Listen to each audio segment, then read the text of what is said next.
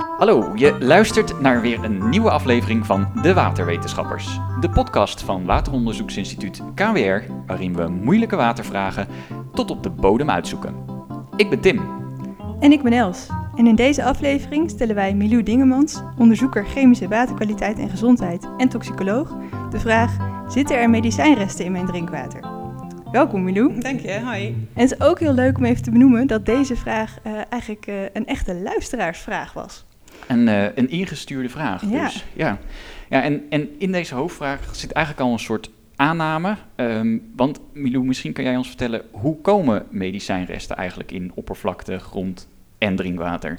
Ja, nou, hartstikke leuke vraag. Uh, dan laat ik eerst eens even vertellen wat dat dan eigenlijk zijn, hè, die medicijnresten. Mm -hmm. Dat zijn dus uh, hele lage concentraties van uh, stoffen die uh, in de mens, en, maar ook voor dieren, zoals in de veeteelt, worden gebruikt. Mm -hmm. en op het moment dat die dan gebruikt worden, dan kunnen ze daar, daardoor ook in het milieu terechtkomen. En ook in het water en het watermilieu. dan, dan spreken we over medicijnresten. Nou ja, omdat we bij zulke lage concentraties kunnen meten, vinden we ook dit soort stoffen terug in het water. Hoe komen die dan in het water? Nou, nadat die medicijnen zijn ingenomen hè, door, uh, da door, uh, mensen, door koeien, mensen of, of zijn toegediend, toegediend, aan de dieren, dan gaan ze natuurlijk het lichaam in en daar komen ze ook natuurlijk weer uit. want medicijnen worden altijd op een bepaalde hoeveelheid toegediend die hun een werking ja. die, die, genoeg is voor de werking, uh, maar vaak ook ja, waardoor de werking ook gegarandeerd wordt. dus er wordt ook rekening mee gehouden met het deel wat weer geëlimineerd wordt via de urine en door ontlasting. Oké, okay, dus een deel zeg maar, van het medicijn wordt echt gebruikt en een deel is misschien, nou ja, was niet helemaal nodig en gaat dan weer. Ja, omdat het zo werkt in het lichaam. Ja. in het lichaam worden stoffen uh, die via uh, de voeding of ja, nu dus door het orale inname van medicijnen. die gaan in de, het maag-darmkanaal en daar wordt een deel van opgenomen en een ander deel niet. Oké, okay, helder. Ja.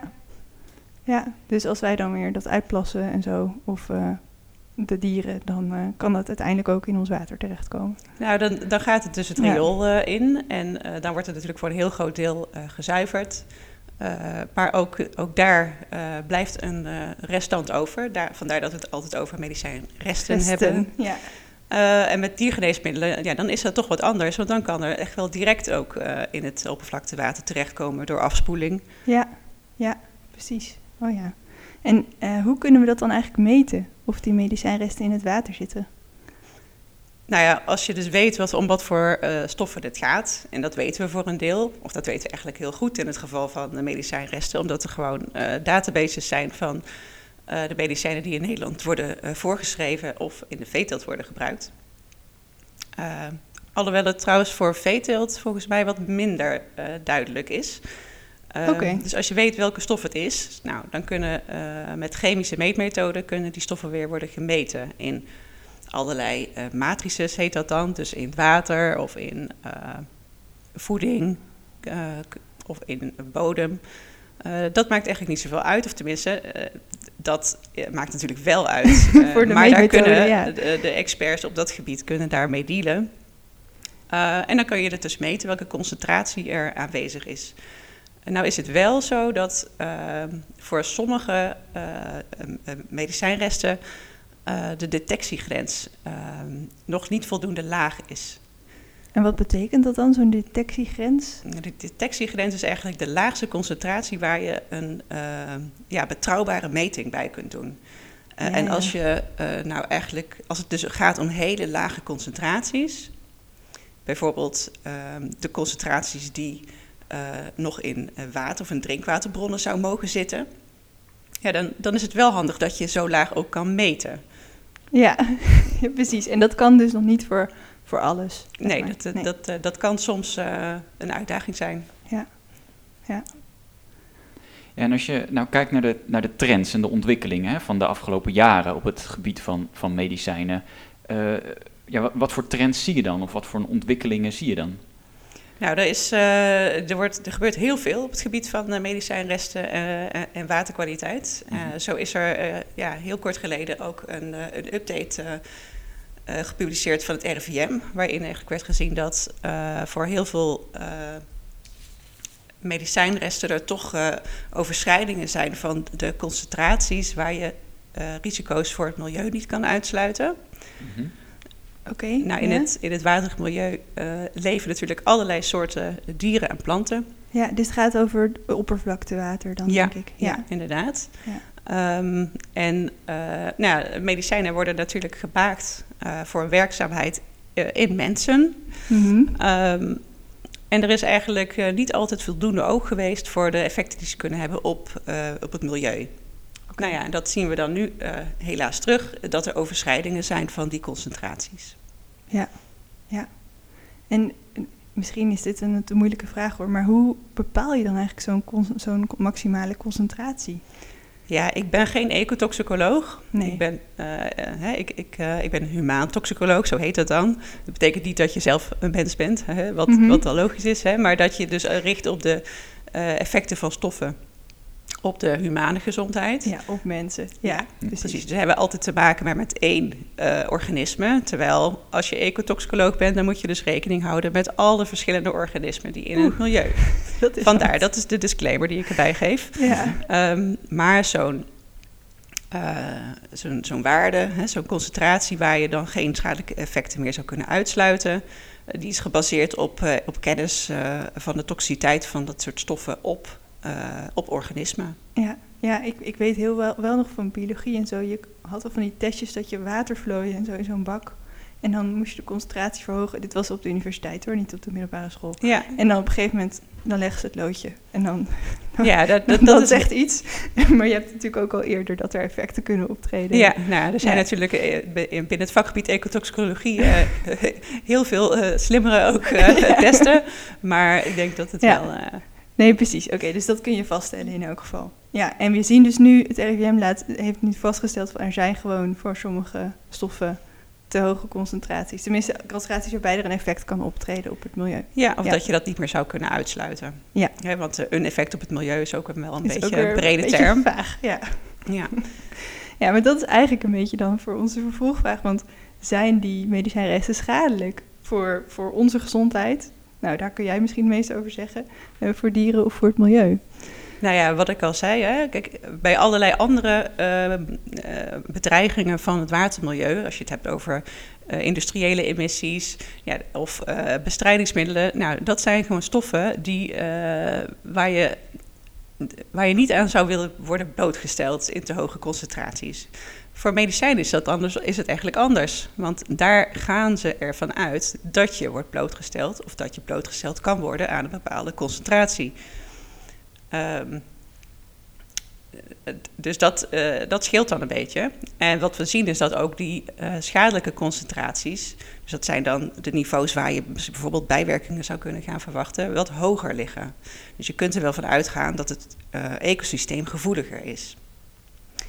Desalniettemin willen we niet uh, zomaar blootgesteld worden aan uh, medicijnen waar we geen behoefte aan hebben. Hè? Die niet, uh, want die ze hebben wel, hebben. die we ja. niet nodig hebben. Er is wel een bepaalde biologische werking, gaat ervan uit. Um, dus we willen dat gewoon niet, niet in het water hebben en zeker niet in drinkwaterbronnen.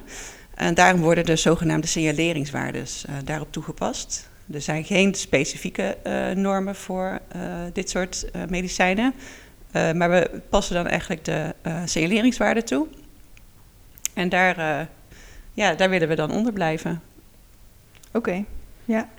En daarmee zeggen we dan, als we daaronder blijven, dan kunnen we wel zeggen: het is waarschijnlijk niet schadelijk voor onze gezondheid. Ja, dat is de, ja. Dat, nou, een signaleringswaarde is eigenlijk de concentratie waarbij je dat nader moet gaan onderzoeken. Ja, oké. Okay. Oké, ik snap hem. Ja. En heel vaak is het uh, gelukkig niet het geval dat er echt uh, effecten op de gezondheid uh, verwacht hoeven te gaan worden. maar nou ja, het is wel gezien dat er dus wel meer overschrijdingen zijn. En ja, het is ook belangrijk om dan te realiseren, hè, dat dit, is een, van de bedreigingen van anderen. Daar is ook een heel mooi overzichtsdocument over geschreven door, door ja, onze collega-waterwetenschappers. En dat is dan eigenlijk een overzicht van allerlei soorten bedreigingen, zoals ook bestrijdingsmiddelen, uh, opkomende stoffen, uh, maar bijvoorbeeld ook uh, drugslozingen. Ja, precies. Die hebben eigenlijk allemaal hun eigen aanpak nodig. Ja, ja, ja, dit is maar eentje eigenlijk, de medicijnresten natuurlijk. Ja. Ja. Ja, ja en ik ben benieuwd, hè, we hebben dus die signaleringswaarden en we zien dat het, nou, we zien dat het terugkomt in ons water. Kunnen we die medicijnresten dan ook weer eruit krijgen? Zijn er methoden om ze, om ze weer uit het water te halen? Ja, ik zou daar uh, ook uh, een andere waterwetenschapper voor uitnodigen, want mijn expertise ligt daar niet. Mm -hmm. uh, maar ik heb wel begrepen dat er slimme verwijderingsmethodes zijn. Ja, ik ja. zie hier een nieuwe aflevering aankomen. Precies. ja, misschien dan ook wel over ander soort stoffen. Ik ben wel benieuwd nu. Ja. ja. Um, en, um, maar wat nou kan ik zelf ook iets doen om te voorkomen dat die medicijnresten in het water belanden? Ja, ja ik had eigenlijk eerder ook alweer iets over de ketenaanpak willen vertellen. Uh, bij de mooie ontwikkelingen. Want ja. dat, is, uh, dat is ook wel echt uh, waar dit ontwerp zich op onderscheidt qua bedreigingen. Is dat er voor het verminderen van blootstellingen aan medicijnresten echt een ketenaanpak is geïnitieerd. De, het ministerie van INW die coördineert um, is echt eigenlijk een proces waarin in de hele keten um, acties zijn gedefinieerd om die uh, emissies naar het waterig milieu te verminderen. En wat bedoel ik dan met de keten? De keten is aan de voorkant eigenlijk dat die stoffen worden toegelaten voor gebruik. Mm -hmm. Nou, en daar heeft het Europees Parlement ook onlangs uh, aandacht voor gevraagd dat daar uh, ook aandacht moet komen voor de ja, mogelijke nadelige effecten op de kwaliteit van het, van het oppervlakte, water- en drinkwaterbronnen. Um, dus dat is de voorkant. Nou, dat kan beter. Um, dat is eigenlijk ook een grote uh, fase daarin uh, het gebruik en het, het uh, voorschrijven van de medicijnen. Dus er wordt ook aandacht gevraagd voor ja, aan artsen en apothekers van ja, geef mensen ook een advies mee over het gebruik en ook over hoe je weer met resten medicijnen kan omgaan die, ja, ja, die, die je overhoudt. Hè? Dus ja, die, ja.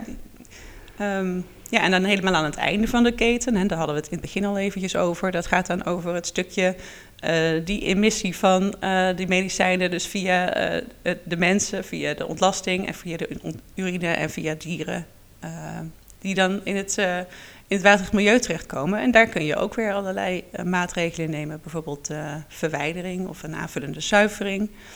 Zo'n slimme verwijderingsmethode. Oké, okay. ja, maar, en maar daarin in deze keten hoor ik nog niet zeg maar de persoon...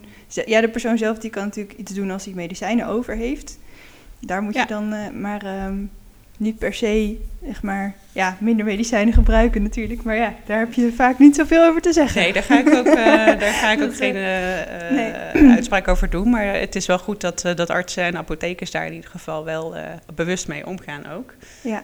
Um, ik heb ook even gekeken op de website van uh, Kennisimpuls Waterkwaliteit. Dat is ook een heel groot onderzoeksprogramma waarin allerlei acties worden gedefinieerd die ten goede kunnen komen aan de waterkwaliteit. En dat was wel heel, heel erg leuk. Uh, daar staat een lijstje acties in die allemaal kunnen bijdragen aan de oplossing van ja, een mogelijk probleem van deze stoffen in het water. dus en, die, en die, die kun je dan zelf gebruiken. Bijvoorbeeld actie 1, ik gooi medicijnresten in de afvalbak. En actie 2 is dan weer echt voor artsen. Ik attendeer patiënten op het terugbrengen van medicijnen bij stoppen medicatie. En oh, zo ja. zijn er eigenlijk op ja, in ja. verschillende delen van de keten voor verschillende me, uh, organisaties en personen die daar een rol in spelen, acties gedefinieerd. Die kunnen bijdragen aan de vermindering van, van medicijnresten in het, in het water. Ja, dat is interessant. Ik denk, dit lijstje kunnen we wel beschikbaar stellen aan de luisteraars. Dat ja. is wel interessant, denk ik. Ja, ja. ja het is vooral interessant om, om te noemen dus dat het, zeg maar, het probleem oplossen zit niet bij één individu, maar is over de hele keten uh, verspreid ja, eigenlijk. Ja, en dat is eigenlijk heel mooi gedefinieerd voor deze uh, stofgroep. Mm -hmm. uh, kijk, en als, als waterwetenschapper weet je al dat je moet samenwerken hè, om, een, om een watervraagstuk op te lossen. Uh, maar ook uh, als waterwetenschappers kunnen we het niet alleen natuurlijk. Uh, om echt impact te hebben moet je samenwerken. En dat vond ik ja, met, dit, met deze ketenaanpak heel, heel mooi. Ja, en dan eigenlijk uh, hebben we nog wel een vraag. En dat is van wat hoop je in de toekomst te bereiken met het onderzoek naar medicijnresten in drinkwater? Ja, wat ik ook al eerder zei, hè, van het is uh, medicijnresten, dat is een van de meerdere bedreigingen waar water mee wordt uh, geconfronteerd, de mm -hmm. waterwereld. Um, dus wat ik uh, belangrijk vind, is ook om goed te kunnen wegen welke effecten en problemen er, en risico's, of mogelijke risico's, er nou zijn tussen die bedreigingen. en daarbinnen, hè, tussen bijvoorbeeld specifieke stoffen die daar een grote rol in spelen. Uh, want als je dat kan wegen, dan weet je namelijk ook waar de, uh, waar de maatregelen getroffen kunnen worden. Om, om de grootst mogelijke impact te hebben op het verbeteren van de waterkwaliteit. Ja, dus je wil eigenlijk meer specifieke kennis ontwikkelen over nou ja, waar dan echt de grootste risico's zitten. Ja, en waar dan de risico's ja. zitten, dat hangt natuurlijk ook weer af van je beschermingsdoel. Hè? Wil ik het milieu beschermen, humane gezondheid? Ja, alles tegelijk. Ja. Ja, nou ja inderdaad. Dat, ja. ja, dat is een integrale benadering. Oké, okay, de integrale benadering, daar hou ik ook wel van. In deze aflevering stelden wij Miljoen Dingemans de vraag... Zitten er medicijnresten in mijn drinkwater? Nou, eigenlijk gingen we er in onze vraag impliciet al een beetje van uit dat ze er wel in kunnen zitten. En uh, Milou die heeft ons wel kunnen, uh, duidelijk kunnen maken hoe ze in het, in het water komen. Dus vooral omdat niet alle medicijnen die we uh, gebruiken allemaal worden opgenomen. Zowel niet in dieren als in mensen. Um, en we kunnen dat meten en we kunnen dat ook steeds beter meten. Dat heb ik ook wel begrepen. in heel lage concentraties. Um, dat maakt dus ook dat we nu beter weten wat er, wat er zich zo in het water bevindt. Um, en er is heel veel aandacht voor in de afgelopen jaren, dat hebben we ook geleerd. En daarbij ja, is het ook vooral belangrijk dus om naar een ketenaanpak te gaan kijken. Dat heb ik nu ook begrepen. Dus om zowel bij de bron, zeg maar van moeten we überhaupt deze medicijnen toelaten, tot artsen die dingen voorschrijven, tot hoe mensen als ze het medicijnen over hebben, hoe ze daarmee om moeten gaan. Um, en eigenlijk willen we dus nog veel meer gaan kijken naar welke risico's nou, zijn er nou eigenlijk? Welke stoffen spelen daar een belangrijke rol? En welke beschermingsdoelen hebben we? Want willen we nou onszelf beschermen of willen we het milieu beschermen of bepaalde dieren beschermen? Dus er is niet echt een heel duidelijk, eenduidig antwoord. Ja, zitten er medicijnresten in mijn drinkwater? Dat was natuurlijk onze vraag. Nou, laten we zeggen, dat zou kunnen in zeer lage concentraties, waarvan we niet verwachten dat ze schadelijk zijn voor de gezondheid, want dan gaan we erop acteren. Dankjewel voor het luisteren naar de Waterwetenschappers. Ga naar kwrwater.nl slash podcast om je te abonneren via jouw favoriete podcast app.